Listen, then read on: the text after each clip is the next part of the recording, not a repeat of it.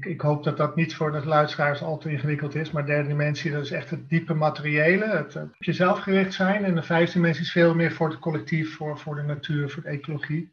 En heel veel mensen die hoogsensitief zijn, en nou, ook wel nieuwe tijdskinderen, uh, die, die vinden het heel moeilijk om in deze derde dimensie, om deze harde wereld uh, zich staande te houden.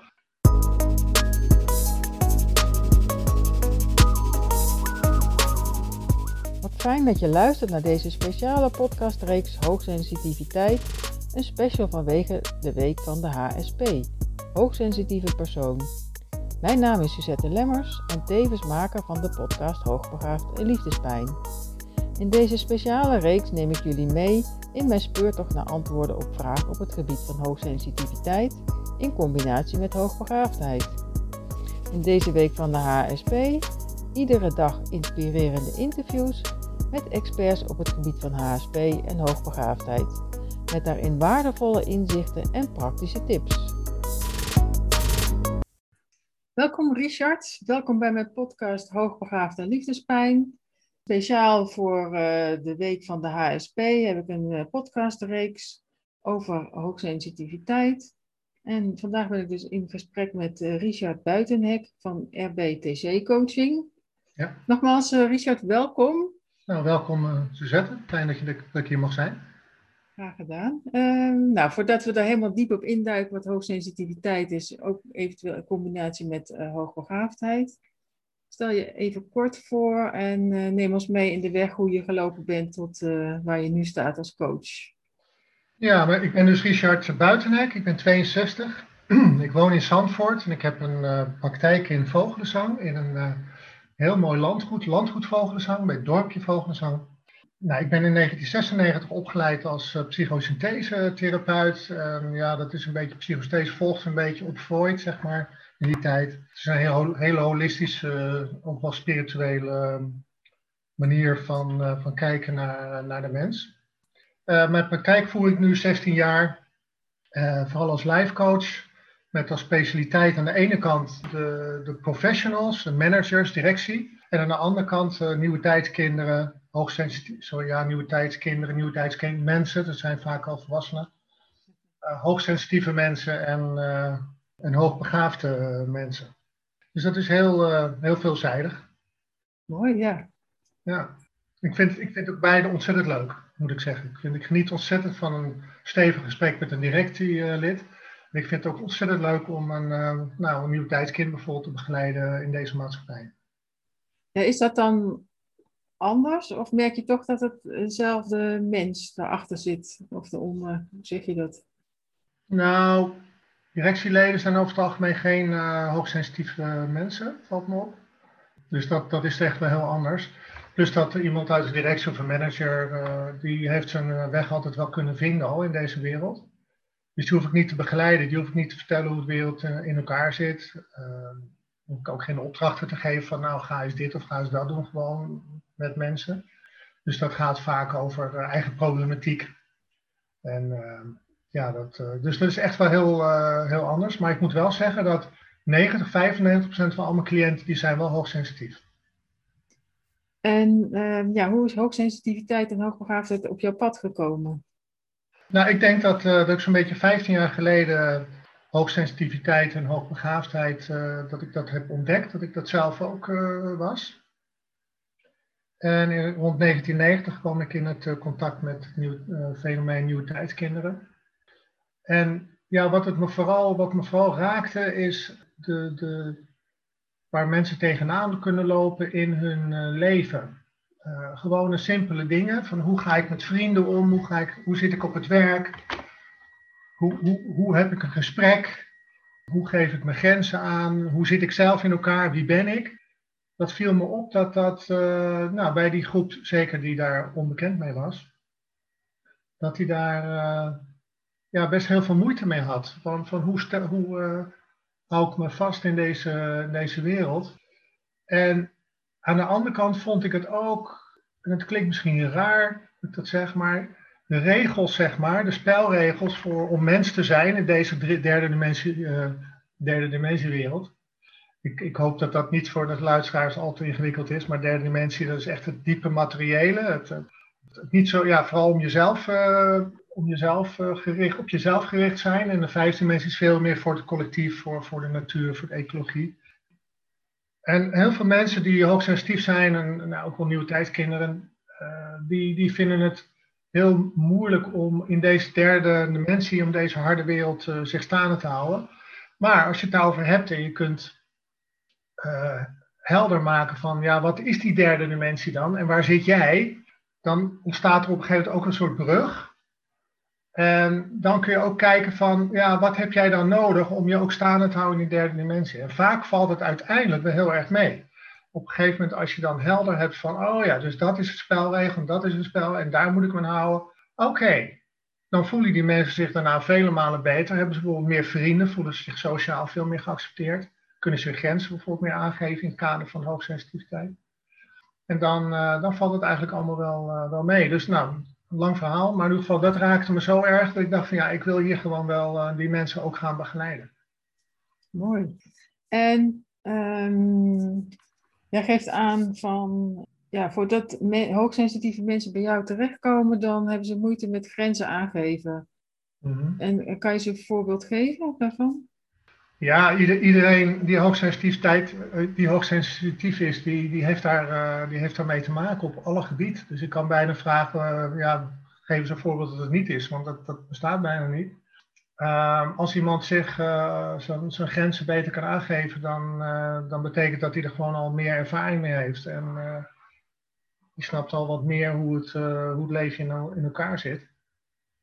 Maar het kan, het kan heel simpel op je werk zijn. Ik, noem maar wat. Ja, het kan echt, ik kan duizenden voorbeelden geven. Maar bijvoorbeeld je baas die zegt van... Uh, goh, wil je nog even overwerken? Of wil je dit rapport nog even maken? Of dit rapport uh, wat ik je heb gegeven... maar dat moet ik wel vanmiddag om 12 uur hebben. Of, uh, ja, en dat vinden hoogsensitiviteit mensen... die heel erg in de harmonie gaan... en heel erg in het contact en heel erg in het hartscontact zitten...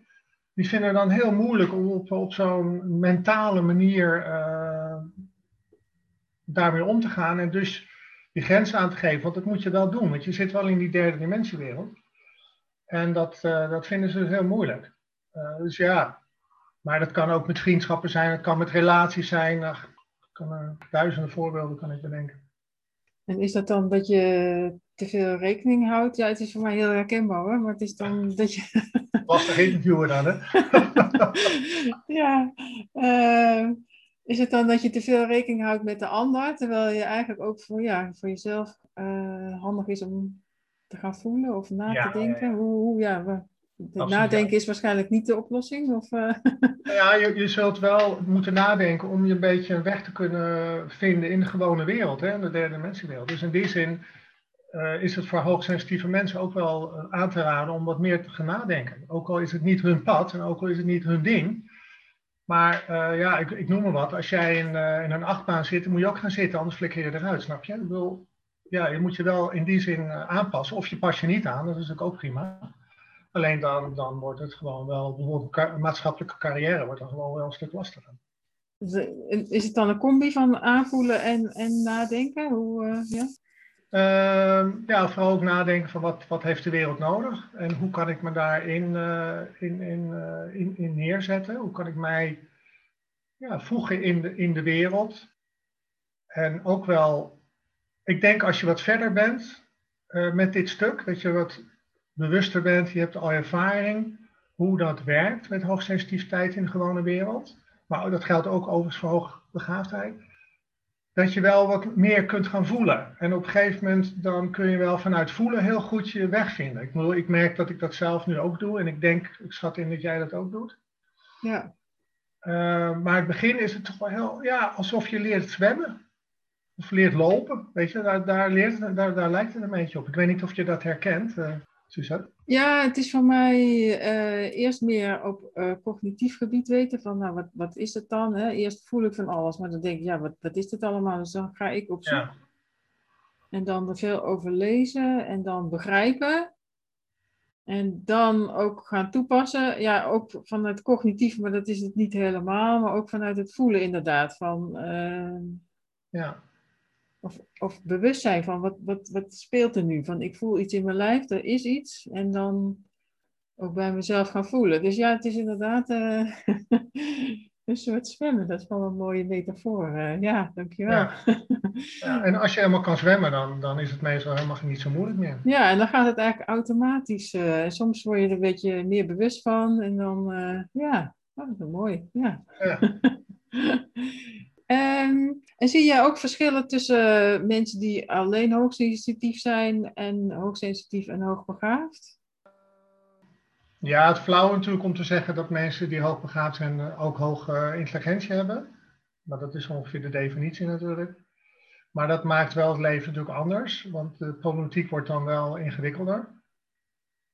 Um, want ja, ja, je zou het toch even moeten, apart moeten benaderen. Maar de hoog, hoogbegaafde mensen die, die voelen bijvoorbeeld uh, uitsluiting en afkeuring. dat, dat, dat is niet specifiek iets voor hoogsensitiviteit uh, mensen. Uh, die, zitten in, die zijn bijvoorbeeld in communicatie te snel. die, die, denken vijf stappen vooruit en dan de, die, die, af en toe de andere partij hoort vijf, een paar woorden en die snappen er natuurlijk helemaal niks van. Ze willen ook heel erg autonoom zijn in hun handelen. Nou, dat hebben hoogsensitiviteit mensen ook wel, maar wel op een hele andere manier. Uh, samenwerken is ingewikkeld voor, voor uh, hoogbegaafde mensen. En ze voelen zich vaak eenzaam. Nou, dat herken ik wel weer, ook wel weer met hoogsensitiviteit uh, mensen. Dus ja, er zijn wel wat, zeker wel wat verschillen te, te zien. En, en het valt me inderdaad wel op dat, dat veel mensen die hoogsensitief zijn ook wel redelijk hoogbegaafd zijn. Dus dat, het hoeft niet gelijk 130 IQ te zijn, IQ 130 te zijn, maar in ieder geval ze zitten wel hoog in het uh, intelligentiespectrum. Je had het net over de derde en de vijfde dimensie en nieuwe tijdskinderen. Daar ben ik wel heel benieuwd naar. Uh, toen mijn zoon werd geboren, toen las ik ook al iets over hoogsensitieve kinderen. Dat was in 97. Ja, is dat eigenlijk al heel lang, hoogsensitieve of um, nieuwe tijdskinderen? Of ik denk dat ze een beetje de eerste geboren zijn. Ja, dat, moet ik, dat, is dan ook weer een heel rekbaar begrip. Want daarvoor waren ook al uh, de, uh, mensen, maar dat noemen we dan licht, uh, licht, lichtwerkers. Ik ben zelf ook een lichtwerker en ik, ja, het zou heel goed kunnen zijn dat jij dat ook bent. Maar dat zijn ook een soort nieuwtijdskinderen, alleen die zijn heel erg ontstaan vanuit de derde dimensie. En die hebben zich ontwikkeld naar de vijfde dimensie nieuwe tijdskinderen ontstaan in de vijfde dimensie en die moeten zich daarna gaan aanpassen aan de derde dimensie. Dus dat is een verschil. En mijn, mijn, wat ik zo ongeveer zie is dat zo'n beetje 30 jaar geleden, dus rond 1990, zo'n beetje de eerste nieuwe tijdskinderen echt zijn geboren. Maar als iemand anders zegt nee hoor, het is 1987 of het is 1993, dan is dat ook helemaal prima. Want die grens is niet keihard te, te, te zetten. En wat, wat, wat is jouw ervaring daarin? Nou ja, ik heb die, dat begrip nieuwe tijdskinderen eigenlijk nooit zo begrepen. Want ik, ja, ik denk, ja, vanuit mezelf gezien, ik ben hoogsensitief. Dat was al een, een ja, dat was eigenlijk een, eh, hoe moet ik dat zeggen?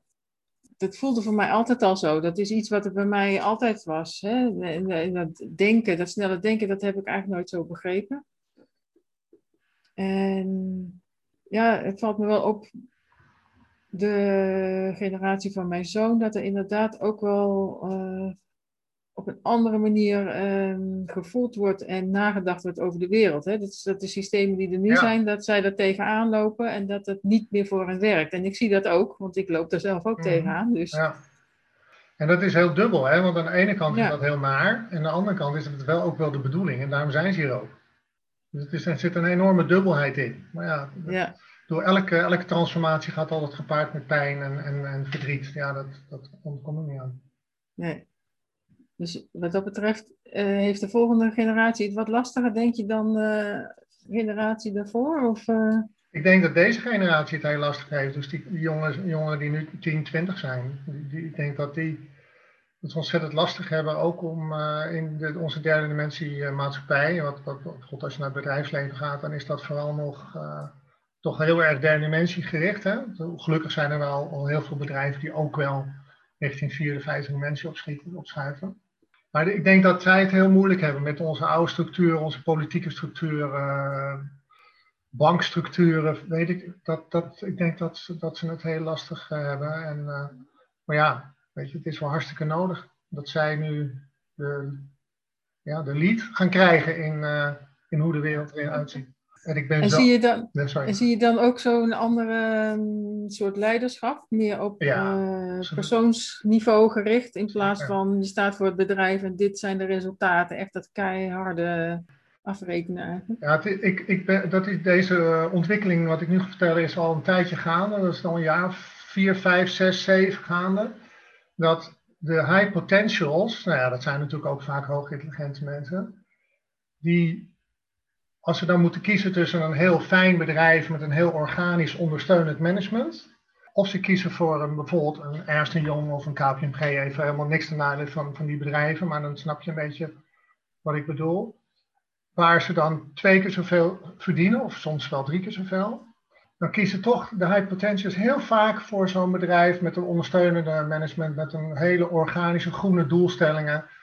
Ehm, en daar ben ik ontzettend blij om, want ik denk, oké, dus je kunt als eh, groot bedrijf wat high potentials zoekt, nog zoveel bieden, maar die mensen willen een, een fijne organische managementstructuur. En dat verplicht ze bijna om ook zo te worden. Snap je? Dus dat, dat, eh, ja, dat geeft me ontzettend veel voldoening als ik dit soort dingen, eh, sign- signalen krijg. Ja, en, en weet jij waarom ze dan voor die organische organisatie kiezen? Nou ja, de- dezelfde reden waarom jij en ik dat zou doen. Ja, Ja, flauw antwoord.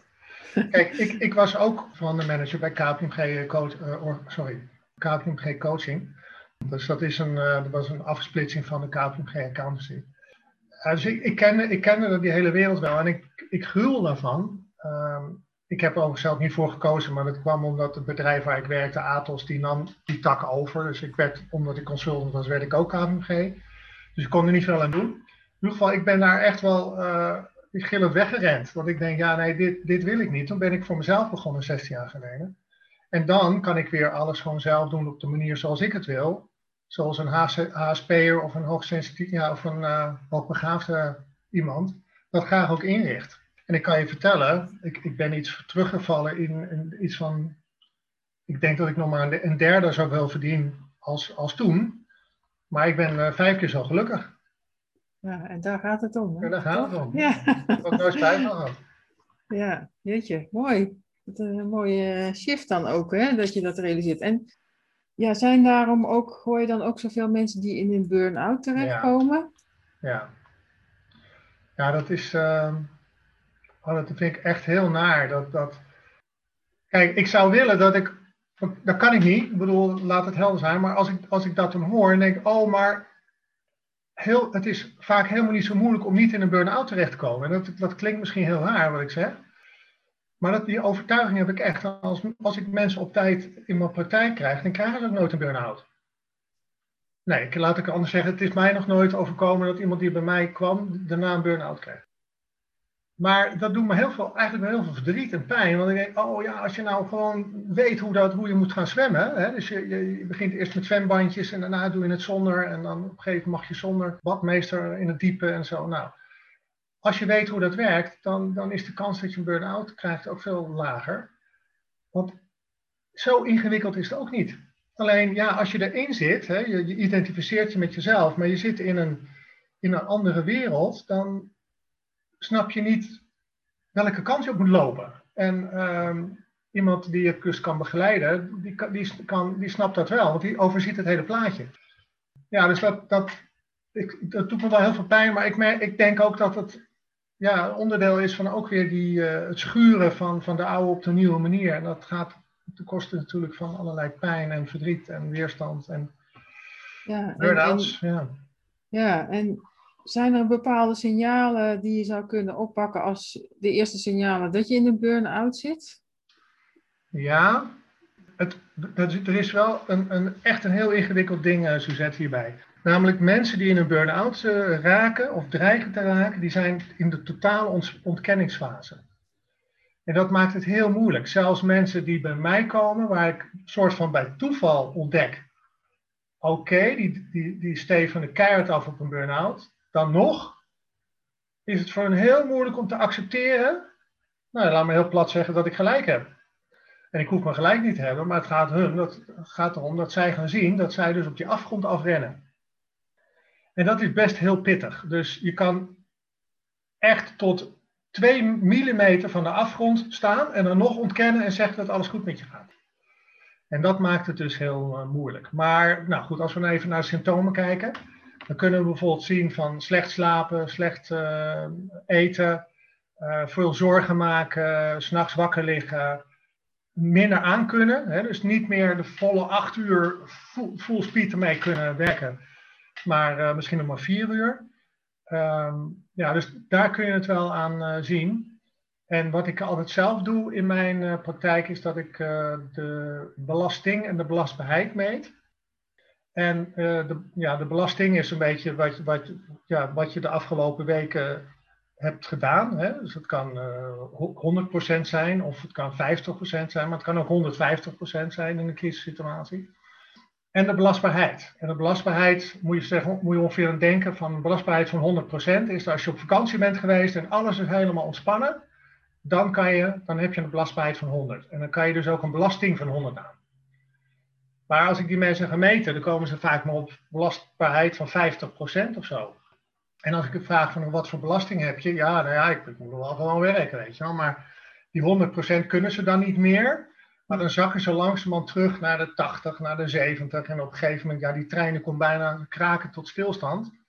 En ze snappen maar niet hoe dat komt, weet je wel. En ze, ze waren toch zo jong en dynamisch en ze konden alles aan en ze waren zo intelligent. En nou, ze blijven maar en op een gegeven moment vallen ze een paar maanden uit en dan komen ze weer terug en dan willen ze weer, weet je wel. En, en ja, voordat je eenmaal, want het codewoord hier is acceptatie en luister naar jezelf. Hè? Dat, dat is het codewoord. Als je naar jezelf kan luisteren en je kan accepteren wie je bent als mens, dan komt het goed. Maar ja, dat is dus een enorme stap. Ja, ja, want de vraag is, hoe, hoe ben je dan in zo'n patroon terechtgekomen? Dat je denkt van, je kan maar door en door en door. Ja, ik herken het hoor, maar... Ja, zo zijn we gebakken. Ja, ja. ja je kunt er filosofische en psychologische verhandelingen over halen. Je kan een boek over volschrijven.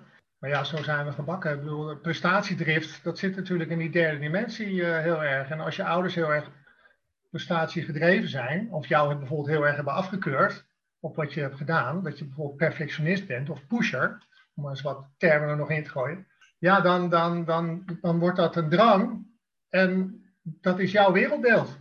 Ja, als jij een pusher, een echte pusher bent, ja, dan, dan, dan kan je niet om negen uur je laptop dicht doen. Maar ja, als je aan de andere kant nog maar een uh, belastbaarheid van 50% hebt en je kan s'avonds om 9 uur voel je nog steeds schuldig als je laptop dicht doet, ja, je voelt wel dat het ontspoort aan alle kanten. Ja, en um, mensen die hoogsensitief zijn, hebben daar nog meer last van, denk je? Of? Ja, zeker. Want die, uh, ja, die hebben natuurlijk die hele stuk uh, met, met die maatschappij. En, en uh, dat, de, heel veel. Kijk, het leven van een hoogsensitief iemand, dat kost twee keer zoveel moeite of energie dan een niet hoogsensitief iemand. Het gewone leven. We hebben het gewoon we het over werk, we hebben het over naar de supermarkt gaan, hebben we over vriendschappen, relaties. Uh, op een gegeven moment, als je snapt hoe het zit, uh, dan, dan is dat niet meer zo. En ik kan echt durven echt wel te zeggen dat ik misschien nog maar op 120% zit. Maar in het begin is dat echt veel meer. Dus ja, je bent veel meer energie kwijt. Dus de kans dat je dus in burn-out raakt, ook omdat je veel gevoeliger bent, je, je, kunt veel meer uh, moeilijke ruzies aan, conflicten aan, ontslag, uh, weet je, dat soort dingen. Dat is veel ingewikkelder voor mensen die hoogsensitief zijn. Dus alleen dat is al een, hele, een heel pad om te bewandelen. Dus ja, dat is uh, wel ingewikkelder voor een hoogsensitief type iemand. En ik kan me daarmee voorstellen dat, ik heb dat niet onderzocht, maar ik kan me voorstellen dat hoogsensitieve mensen relatief vaker in een burn-out komen dan niet hoogsensitieve mensen. Ja, en ik heb wel eens gehoord dat um, ehm, 20% van de mensen dat die hoogsensitief zijn. Ja, ik ook. Ja, dus echt wel 1 op de 5, dat is toch behoorlijk veel. Ja. En um, ja, zijn zij dan degene die de bepaalde systemen die niet werken omver kunnen gooien? Of ja, je ziet nu bijvoorbeeld ook met het schoolsysteem dat er heel veel kinderen tegenaan lopen dat het niet werkt. En vooral hoogsensitieve, hoogbegaafde kinderen, die vallen er al uit. Die zijn er al heel lang uitgevallen, maar nu zie ik mhm. in ieder geval dat er meer aandacht voor is. En straks komen zij natuurlijk ook weer in de werkmaatschappij en daar zal dan ook wel wat in moeten veranderen. Willen zij daar ook weer in mee kunnen? Ja, Ja, en Is deels, dat dan de beweging wat jij zegt van 3D naar 5D? Mhm, ja, en deels zullen zij natuurlijk ook moeten veranderen om, om zich aan te passen. Dus het is een beetje geven en nemen. Maar uiteindelijk gaan wij, en daar ben ik echt ontzettend van overtuigd, dat uiteindelijk gaan wij naar een vijfde dimensiewereld. Dus dan gaan wij leven zoals die kinderen dat nu willen en zoals die kinderen er nu naar kijken. Dus die hele derde dimensie die moet over naar de vijfde dimensie. En dus uiteindelijk komt het wel goed, zeg maar. En dan gaan we wel heel erg ons bekommeren om de aarde en, eh, en dat soort dingen. Maar eh, ja, dat duurt nog even. Ja, en, en wat versta jij onder de vijfde dimensie? Ja, vijfde dimensie is dus. eh, nou, ik zal een voorbeeld geven. Stel je hebt een, een landgoed. Dan is de derde dimensie van hoe kan ik dat eh, profitable maken, hoe zeg je dat? Eh, nou, kan ik daar winst mee maken of in ieder geval weinig verlies? En, en kan ik dat zo goed mogelijk exploiteren? En het is van mij en ik heb bewakers en ik zet er een hek omheen.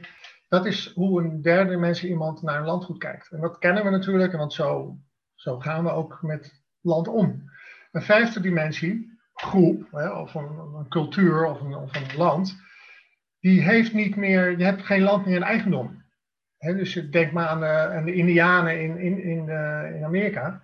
Je hebt geen land meer in eigendom. Nee, je kan wel een beheerder zijn van een landgoed, maar dan beheer je dat voor de, voor de maatschappij, maar voor, ook voor de natuur en ook voor de dieren. Dus je gaat kijken van hoe kan ik nou zo goed mogelijk mij inzetten mij, om die, dat landgoed zo goed mogelijk te beheren. Maar het is dus niet van mij, ik ben niet de eigenaar.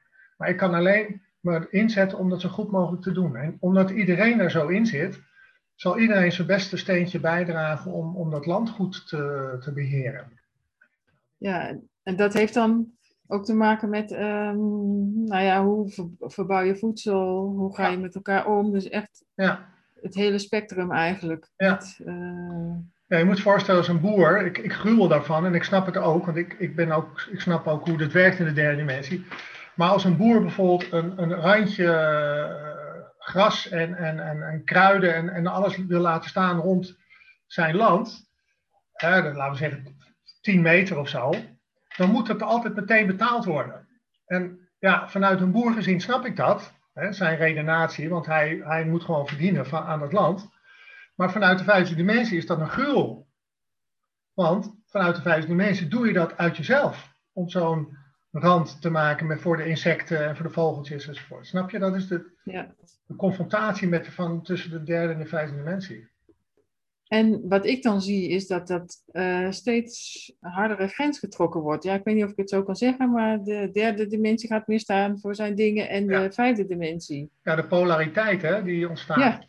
Ja, Eh, Syrië is daar een mooi voorbeeld van. Dat overigens gaat, gaat over iets heel anders. Maar daar werd eerst heel vredelievend gepro- geprotesteerd tegen Assad. Eh, ik kan me dat nog goed herinneren. Die mensen gingen de straat op en die protesteerden. Die, eh, nou ja, weet je, zoals wij dat ook in Nederland doen. Maar omdat Assad zo ongelooflijk keihard ingreep met, eh, met agressie, begon dat steeds meer ook aan de, aan de protesterende kant te, te escaleren. Dus nou, op een gegeven moment werd het een burgeroorlog. En zo is het ook met deze krachten. De derde en de vijfde mensen. Iedereen die gaat steeds meer voor zichzelf staan. En het wordt steeds moeilijker om die brug te slaan tussen de derde en de vijfde dimensie. En ehm, het, het is ook wel angst vanuit de derde dimensie. Want het is natuurlijk ontzettend, voor, voor een derde dimensie iemand, is het heel erg angstig wat al die vijf, gekke vijfde dimensie mensen zeggen. Hè, want ja, je hele wereldbeeld die zakt in elkaar natuurlijk. Dat, dat, eh, waar je altijd in geloofd hebt, dat klopt ineens niet meer. Dus je gaat je ingrijven, ga- graven. En je ziet dat ook terug in de politiek, maar je ziet dat ook in social media. En ja. Maar ja, ook dit hoort erbij bij een transformatie, helaas. Dat, eh, ik denk dat dat niet, je kunt dat bijna niet op een andere manier doen. Ja, jij zet je in en ik zet me in om, om dat op een harmonieuze manier te, te laten gebeuren. ja. Maar ja, helaas hebben wij het niet voor het zeggen. Nee, nee, en ja, ik heb wel eens geprobeerd om eh, het wat groter te trekken, maar dat werkt niet. Het kan alleen maar vanuit jezelf, eh, Ja. dat je de verandering in kan zetten en niet eh, anderen daarin meenemen, zeg maar. Ja, helemaal. Ja. Ja. Ja, heb jij praktische tips Ja. voor mensen? Ja, nou, ik, ik, ik, ik, ik wil je even meenemen hoe ik met mensen omga. Die, die laat ik even beginnen met hoogbegaafd. Hoe ik met hun omga. Misschien hebben ze daar nog wat aan thuis. Wat ik, ehm, wat ik met ze doe is vijf stappen. Ehm, en stap 1 is, dat heb ik je net ook horen zeggen, van de, cognitie moet worden bijgewerkt. Oftewel, je moet gaan snappen hoe het, hoe het uh, werkt in die derde dimensiewereld. Dus ik laat het ook zien hoe die wereld uh, in elkaar uh, zit. En ook wat die wereld nodig heeft. Dus dat is meer van, oké, dus dat is meer informatieoverdracht van mij naar, naar hun. Kan, kan ook gepaard zijn met het lezen van boeken of, of nou ja, het kan van alles zijn af en toe misschien een workshop of wat dan ook. En dan ga ik me focussen op, nou ja, dat is niet specifiek eerst A, dan B en dan C hoor, dat kan door elkaar heen lopen. En dan ga ik me focussen op uh, wat heeft iemand die hoogbegaafd is nodig. Dus dat we ook heel erg gaan kijken naar wat is de behoefte van die persoon. Dan zit daar dus een verschil tussen. Dus wat heeft de maatschappij nodig en wat heeft die persoon nodig. Nou, en dan ga je op een gegeven moment onderzoeken wat zit er nou aan verschil tussen, tussen deze twee uh, posities. En dan ga je op een gegeven moment leren aanpassen. Dus ik ga die mensen begeleiden om van A naar B te gaan. A is dan zeg maar hun positie hoog begaafd. En B is dan zeg maar de gewone derde dimensiewereld. Hoe kunnen zij nou die, die uh, reis maken van A naar B? En dat gaat uh, vaak gepaard met uh, huiswerkopdrachten bijvoorbeeld. Gewoon heel simpel, ga eens communiceren met iemand. En bijvoorbeeld een hele leuke opdracht vind ik er zelf altijd van... Ehm, in plaats van dat jij denkt dat jij gek bent, denk dan dat die mensen gewoon een IQ van 100 hebben waar je mee praat. En dat betekent dus niet dat die gek zijn of jij gek bent, maar dat betekent dat jij veel sneller denkt en praat dan hun. Dus pas jouw communicatie aan naar het IQ van 100. En laat dat jouw standaard worden. Dus op het moment dat jij standaard communiceert met iemand, dan communiceer je op het niveau, niveau van 100. En stel nou dat je met iemand praat die ook uh, wat intelligenter is, dan kan je dat natuurlijk loslaten. Maar dat moet een beetje de basis zijn. En dat uh, valt me op. En dat is dan uh, meer woorden gebruiken of wat, wat, meer, meer, stappen, meer tussenstappen nemen of langzamer zo? Om iemand... Gewoon langzamer. Dus niet meer vier stappen snel thuis, maar gewoon elke stap die jij denkt ook communiceren. Ja. Dat is wel een uitdaging. Ja, ja. En ook wel checken van, goh, snap je me? En ook even non-verbaal kijken van, gaan die mensen glazen kijken? Of, of snappen ze het nog, knikken ze, weet je wel? Ja. ja. Maar ook dit, als je dit eenmaal leert, en dat is helemaal geen rocket science, dan, dan, dan valt het heel erg mee. Want ik, vaak zijn mensen na twee sessies al redelijk in staat om, om dat op die manier te doen. Hmm, mooi, ja. ja. Ja, nou, die E was dan die huiswerkopdracht. Dus dat zijn de, de vijf stappen die ik altijd uh, doorloop met uh, hoogbegaafden. Eigenlijk is de methode voor hoogsensitiviteit hetzelfde. Dus dan doe je ook die A, B, C, D en E. Um, alleen is de stap met jezelf leren omgaan nog veel belangrijker als bij uh, hoogbegaafd. Omdat die mensen veel gevoeliger zijn. Dus dat, daar wordt veel meer aandacht aan besteed. En dan laat ik vaak wel een boek lezen of, uh, of hebben het er gewoon uitgebreid over. Maar ook dan gewoon huiswerkopdrachten. Ga maar gewoon kijken hoe het is. Uh, ga maar eens het woord nemen in de vergadering. En hoe is dat voor je? Nou, dat soort, dat soort zaken. Ja, hetzelfde wat jij al aangaf. Het is eigenlijk leren zwemmen. Ervaren. Als je iets anders doet wat je altijd al deed. Dat, je, ja, dat het misschien ongemakkelijk voelt, maar toch een goede stap. Ja. Zo, kan ik het zo samenvatten? Ja. Ja. ja, mooi. Ja. Nou, dat zijn mooie tips. Ja, en dat is dus niet heel erg moeilijk. Nou, dat tenminste, ja. Dat is veel minder moeilijk dan je zo zou denken. Dat, uh... ja. ja. Heb jij iemand die jou inspireert op dit gebied? Ja, ik, ik, ik ben niet zo iemand die uh, mensen uh, volgt. Ik, ik, heb ook nooit een goeroe gehad of weet je wel. Ik ben meer iemand van, ik, ik kijk hier naar daar en dan pak ik de dingen eruit die ik nodig heb. Ik doe hier zo'n workshop, vandaar een workshop. Maar uh, Caroline Bond misschien, dat is wel iemand waar ik nog wel denk van, oh ja, die, die heeft dat wel goed aangepakt. Die heeft, schrijft ook mooie boeken. Maar voor de rest heb ik dat niet heel sterk. Nee. Ik, ik ben ook zelf iemand die ook heel erg sterk zijn eigen, me, zijn eigen methodes ook ontwikkelt, snap je? Dus dat, dat ben ook heel erg, ik heb heel erg mijn eigen methode. Ja, dat klinkt herkenbaar hoor, van uh, veel boeken lezen en, en ervaren en daar voor jezelf de mooie dingen uithalen. Ja. Ja, ja. hoort misschien ook een beetje bij onze manier van zijn, denk ik. Ja. Nou, mijn podcast heet Hoogbegaafd en Liefdespijn. Heb jij in het verleden wel eens liefdespijn ervaren? Wil je daarover spreken? Ja, nou, is niet heel spannend, maar ik heb wel twee relaties gehad. Uh, eentje waar ik mee samenwoon en eentje een gewone relatie. Ja, daar heb ik wel heel veel verdriet van gehad, dat, ik, dat die uit zijn gegaan. Overigens snap ik heel prima dat, zij, dat ze die, die, dames het uit hebben gemaakt. maar uh, dat terzijde, het, het, het, gaf me wel heel veel verdriet. En ik vind het, vond het wel heel jammer dat dat, dat, dat zo, zo was. Maar ik snapte ook dat het een soort ja, een fase was in mijn leven dat ik heel veel van die dames kon, kon, kon leren. Maar ook heel erg hoogsensitief, heel erg eerlijk, heel erg, nou helemaal, ja, hoe zeg je dat nou? Echt wel qua, qua eerlijkheid en, en, en dat soort dingen bijna onmenselijk zo, zo mooi. En ik voel wel van, oh ja, daar heb ik nog een hoop van te leren. Niet dat ik oneerlijk ben, maar ja, het kan altijd beter, zou ik maar zeggen. En, uh, dus daar heb ik wel uh, heel veel pijn van uh, gehad. Maar uh, ja, weet je, het, het, leven gaat door en ja, op een gegeven moment laat je het weer los. En, en ja, het is wat het is. Ja, en speelt, ja, hoe speelt hoogsensitiviteit daar een rol in, in de relatie? Had je dat toen al door of later pas? Nou ja, ik val natuurlijk alleen maar op hoogsensitieve mensen, als we helder zijn. Dat is, ik denk dat, dat iedereen dat, dat heeft. Ehm, dus het speelde wel degelijk een rol. Maar nou, wat misschien na, nadelig van hoogsensitieve mensen is, en dat heb ik zelf in ieder geval ook ervaren, dat je nogal de neiging krijgt om steeds maar verder te onderzoeken in de relatie. En uh, ook wel een beetje de diepte in te gaan en alles te bespreken en alles moet in harmonie. En ik denk dat een relatie niet altijd zo werkt. Uh, natuurlijk, als, er, als iemand je grens overgaat, dan moet je dat bespreken, laat het helder zijn. Maar ik denk dat voor hoogsensitieve mensen nog wel eens moeilijk is om dingen ook te laten. Weet je wel, dat niet alles altijd maar uitgebreid helemaal besproken hoeft te worden. En, want dan krijgt het een soort functie op zichzelf. En dan krijgt het ook een rol in die relatie. En dat is gewoon niet zo'n fijne rol. Snap je? Dus ja. ik denk dat het wel fijner is, denk ik, om ook eens gewoon dingen te laten. En alleen de echte problemen te bespreken. Maar niet alle, alle, alle vijfjes en zesjes ook altijd maar. Uh, ja. te bespreken. Dus ik denk dat hoogsensitieve mensen daar nog wel eens last van kunnen hebben. Mooi. Ja, bedankt dat je dat wil delen in deze ja. podcast. Dankjewel.